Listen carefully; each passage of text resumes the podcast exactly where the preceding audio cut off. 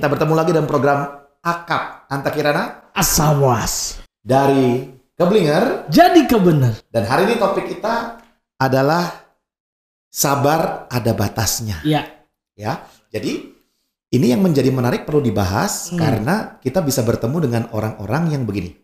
Saya sabar, kamu menyakiti saya, saya sabar. Hmm. Kamu berbuat tidak baik dengan saya kali kedua, saya sabar. Hmm. Mulai kali ketiga, Pak Anta, kan sabar ada batasnya. Jadi gimana nih Bu? Apakah benar sabar itu ada batasnya? Ya, oke. Pak Anta dan teman-teman podcast Akap. Kita kalau membahas itu kita harus bahas dari perspektifnya Tuhan gitu ya. Hmm. Perspektif firman Tuhan. Saya baca satu ayat Pak Anta. Ayatnya di Mazmur 103 ayat 8. Tuhan adalah penyayang dan pengasih, panjang sabar dan berlimpah kasih setia. Ya. Jadi ketika kita sedang ditanya dengan pertanyaan seperti itu, Pak sabar kan ada batasnya. Pak cukup ya, habis sudah kesabaranku dan kata-kata seperti itu. Ya. Kita harus tahu bahwa kita sudah di dalam Tuhan. Hmm.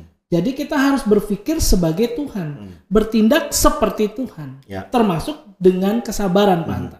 Sehingga kalau ditanya apakah sabar ada batasnya, ya lihat Tuhan ada batasnya nggak mengasihi kamu, Betul. mengampuni kamu, memaafkan kamu. Jadi sebenarnya sesimpel itu, Pak Anta. Jadi sebenarnya sabar itu tidak ada batasnya. Tidak ada. Oke. Kalau lihat dari sisinya Tuhan ya. Tuhan. Ah, Ya, jadi Gitu. kalau kita bertemu dengan orang-orang yang kemudian saya udah nggak kuat lagi, ah, ah. kan sabar ada batasnya. Iya. Lalu temannya berkata, iya, sabar ada batasnya ya. Iya. Iya. Iya, iya. Jadi akhirnya mereka konfirmasi bahwa memang sabar itu Hmm. ternyata ada Iya, batasnya.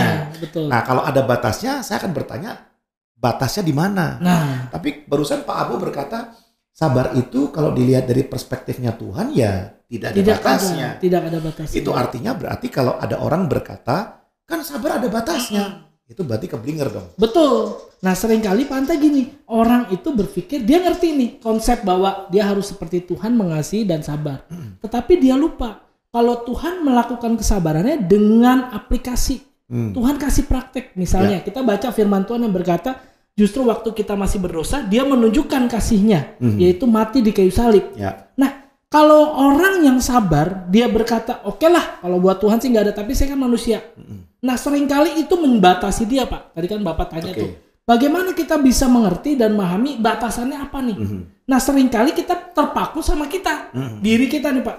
Ya Tuhan oke lah, Tuhan nggak ada nggak ada batasnya lah sabar. Tapi saya kan ada manusia. Mhm. Jadi perkara nanti Tuhan nggak ada batasnya, perkara lain. Nah, dia lupa. Waktu Yesus mati di kayu salib, sebenarnya dia substitusi semuanya dalam hidup kita, Pak. Termasuk kesabaran. Dan dia membuktikan bahwa ketika jadi manusia dia juga bisa sabar ya. Betul. Oke. Makanya jadi jadi sebenarnya nggak ada excuse lah. Mm-mm. Jadi bagi orang-orang yang berkata kalau Tuhan nggak ada nggak ada batasnya, oke lah.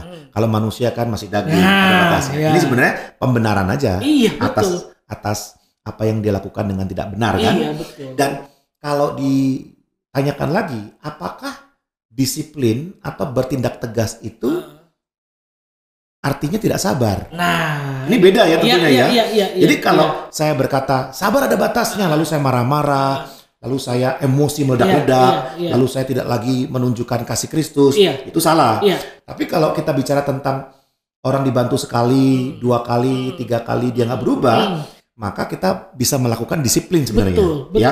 Dan Setuju. pendisiplinan itu bukan bentuk dari ketidaksabaran. Bukan, betul, betul. Karena Yesus pernah apa lakukan? Mhm. Mungkin kita teman-teman tahu ya peristiwa Yesus marah di bait Allah. Ya. Dan itu kejadian itu sebenarnya bukan sekali dua kali Yesus lakukan. Mhm. Karena di fase-fase sebelumnya Yesus sering beribadat di bait Allah. Oke. Lah kok pada hari itu akhirnya dia marah? Mhm. Apakah berarti dia udah gak sabar? Bukan. Bukan. Seperti Pak Anta tadi sampaikan, kesabaran itu tidak berarti kita ya udahlah pasrah, Diam-diam saja. diam-diam saja. Padahal tujuan utama kita sedang tanda petik mau digagalkan. Hmm. Kan Yesus sebenarnya tujuan dia datang untuk merestorasi hidup manusia, Hmm. termasuk keberagamawan atau ber, keberagamaannya orang Yahudi saat itu. Mhm. Makanya mereka ketika jual beli di pasar, Yesus marah Ya, pak. betul. Kenapa dia bilang? Karena rumah bapakku harus disebut sebagai rumah doa, bukan Betul. sarang penyamun. Betul. Jadi kalau tadi Pak tanya dan teman-teman tanya mungkin, Pak, saya kok sabar ya? Apa terlalu sabar ya? Mau maaf nih, jangan-jangan engkau bukan sabar tapi bodoh, tanda petik. Hmm. Karena engkau nggak punya tujuan, jadi kalau ada orang ingin intervensi hidup lo yang kau ya monggo lah. Padahal itu sebenarnya menunjukkan kita nggak punya tujuan. Ya. Jadi Gitu kalau kan. kita mau definisikan sabar itu sebenarnya adalah sebuah kemampuan untuk mengendalikan emosi Ya. tatkala kita tahu bahwa emosi itu mungkin bisa memberikan dampak yang akan disesali ke depannya. Betul. Ya. Persis. Tapi bukan berarti bahwa ada orang yang perlu kita tegur lalu karena kita sabar ah nggak usah ditegur. Iya, betul. Itu kan berarti membiarkan kesalahan terjadi, Betul, begitu betul, ya. Persis. Oke, jadi kita perlu tahu nih bahwa sabar itu adalah sesuatu yang perlu dimiliki oleh orang Kristen, Hmm. ya. Hmm. Nah, kalau menurut Pak Asaboas definisi sabar sendiri menurut dirimu apa? Sederhana sebenarnya teman-teman. Kembali ke perikop tadi atau Hmm. pembacaan firman Tuhan tadi. Kalau kita tahu persis kita di dalam Tuhan, maka kesabaran itu juga bagian kita. Ya. Yang menarik gini Pak Anta, orang sering kali tidak bersabar padahal itu bukan tujuannya. Misalnya gini, saya supir angkot nih Pak Anta, tujuan saya ke BSD gitu ya, supir angkot ke BSD. Lalu saya marah-marah sama supir angkot yang tujuannya ke Karawaci. Mm-mm.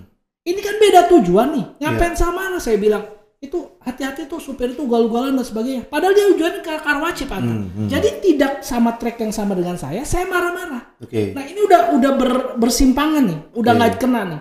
Ya. Jadi kalau dalam hal seperti itu ya kita harus bersabar Panta. Ya contoh kayak sederhana ya. Ini dalam kehidupan saya yang Ah. ber, bertahun-tahun Ah. tahun-tahun yang lalu ya. Ah, ah, Jadi ketika mau masuk atau keluar tol, ah, tiba-tiba ada mobil, wang. Ah. Nah rasanya pengennya marah. betul. Padahal kalau diperhatikan buat saya, buat apa saya marah ya? Itu persis. ngebut-ngebut sendiri kan? Persis. Dan saya nggak punya tujuan untuk menghentikan dia Bener. atau iya. dia harus nungguin saya Iya. gitu kan? Iya. Saya punya tujuan saya pulang ke rumah. Iya. Kalau tiba-tiba ada yang balap saya, seng, ya sudah untuk apa Iya, kita marah-marah? Kalau Pak Anta kejar, Pak Anta nggak nyampe ke rumah, padahal mungkin istri dan anak nungguin. Beda tujuan. Beda tujuan. Iya, oke. Jadi jangan jangan sampai kita ter, terdistract gitu Pak Anta. Mhm, Kita kan sering kali jujur ya teman-teman ya. Bahkan mungkin saya gitu ya. Itu sering kali nggak sabar sama hal-hal yang sebenarnya bukan tujuan saya. Hmm. Nah Yesus dia mau dihina, dia mau dicaci, dia nggak peduli Pak Anta.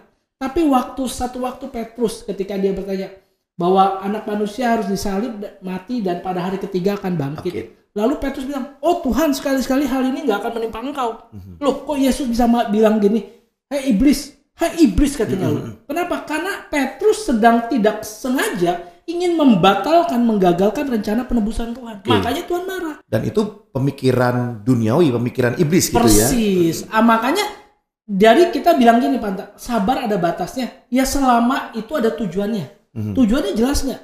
Kalau kita tahu mau didik tadi Panta sampaikan, mau didik anak, kita bukan nggak sabar, kita sedang mendisiplin. Mm-mm. Jadi jangan sampai juga dikit-dikit, oh ini nggak sabaran nih pendeta. Mm-mm. Padahal kita lagi mau mendidik jemaat kan, Betul. jadi serba salah kitanya Betul. Panta. Kira-kira gitu Panta. Ya, jadi bagi para pendengar, kita perlu membuang ya, Ya. istilah yang berkata kan sabar ada batasnya Nah. ya. Jadi kalau memang yang kita mau lakukan adalah mendisiplinkan, Yes. mengajar atau bertindak tegas, itu bukan berarti nggak sabar Iya. lagi. Ya kan ini Persis, berbeda. persis. Tetapi yang penting adalah bahwa Kristus pun, Yesus pun itu sampai sekarang bahkan kita masih berdosa, Ya. perbuatan dosa begitu Iya. ya, bukan status dosa. Iya. Kita masih kadang-kadang ngeyel dengan Iya, dia. iya. Tuhan pun masih Iya. bersabar Oh, kepada kita. Panjang sabar. Ya firman Ya. Tuhan berkata sebab dia panjang sabar. Sabar, betul. Dan kesabaran juga saya ingat salah satu dari buah-buah roh. kan? Ya persis. Ya, Persis. berarti jangan pernah berkata sabar itu ada batasnya. Iya, iya. Sabar itu nggak ada batasnya. Nggak ada batas. Ya. Nah, kemudian diingat juga kalau ada sebuah situasi yang mengharuskan Iya. kita untuk menegur Iya. atau memberitahu, Iya. jangan juga berkata karena seorang sabar saya nggak lakukan itu. Ya, Itu masa bodoh tuh. ini masa bodoh atau takut Takut konflik, konflik. ya, atau menjadi pribadi yang tidak tegas Iya, gitu iya, ya. iya. Oke, Iya, baik. memang ketegasan itu teman-teman ketegasan tadi pantau udah sampai ketegasan itu bukan berarti suka marah. Orang yang tegas bukan suka marah. Tentu kalau saya bacakan ya Amsal 14 ayat 17.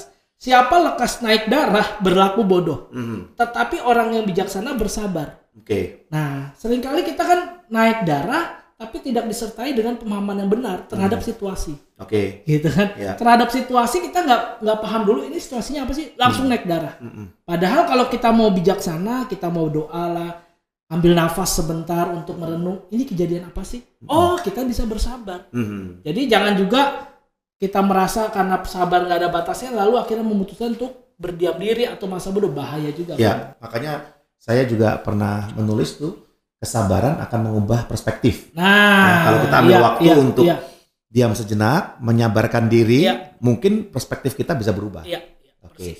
Baik, jadi kita dari keblinger ke bener nih ya. Orang berkata sabar ada batasnya, sabar nggak ada Gak batasnya. nggak ada. Jangan jadikan ini sebagai obligasi untuk saya marah-marah, Persis. lalu berkata itu Tuhan, kalau saya beda. Persis. Nggak boleh begitu. Nggak boleh. Oke, closing statement. Ya, closing statement saya cuma bilang dari firman Tuhan Amsal 14 ayat 29. Orang yang sabar besar pengertiannya. Besar pengertiannya. Besar pengertiannya. Tetapi siapa cepat marah membesarkan kebodohan. Hmm. Pilihan aja teman-teman. Teman-teman mau membesarkan Tuhan dengan kebijaksanaan yang kau punya untuk mengendalikan diri, untuk bersabar, atau engkau mau membesarkan kebodohanmu. Nah itu. Oke. Silakan pilih sendiri gitu Manta. Ya, jadi selamat bersabar Iya, yang selamat tanpa bersabar. batas. Tanpa batas. Sampai jumpa Sampai di dalam jumpa. program podcast akap selanjutnya. Ya. God bless. God bless.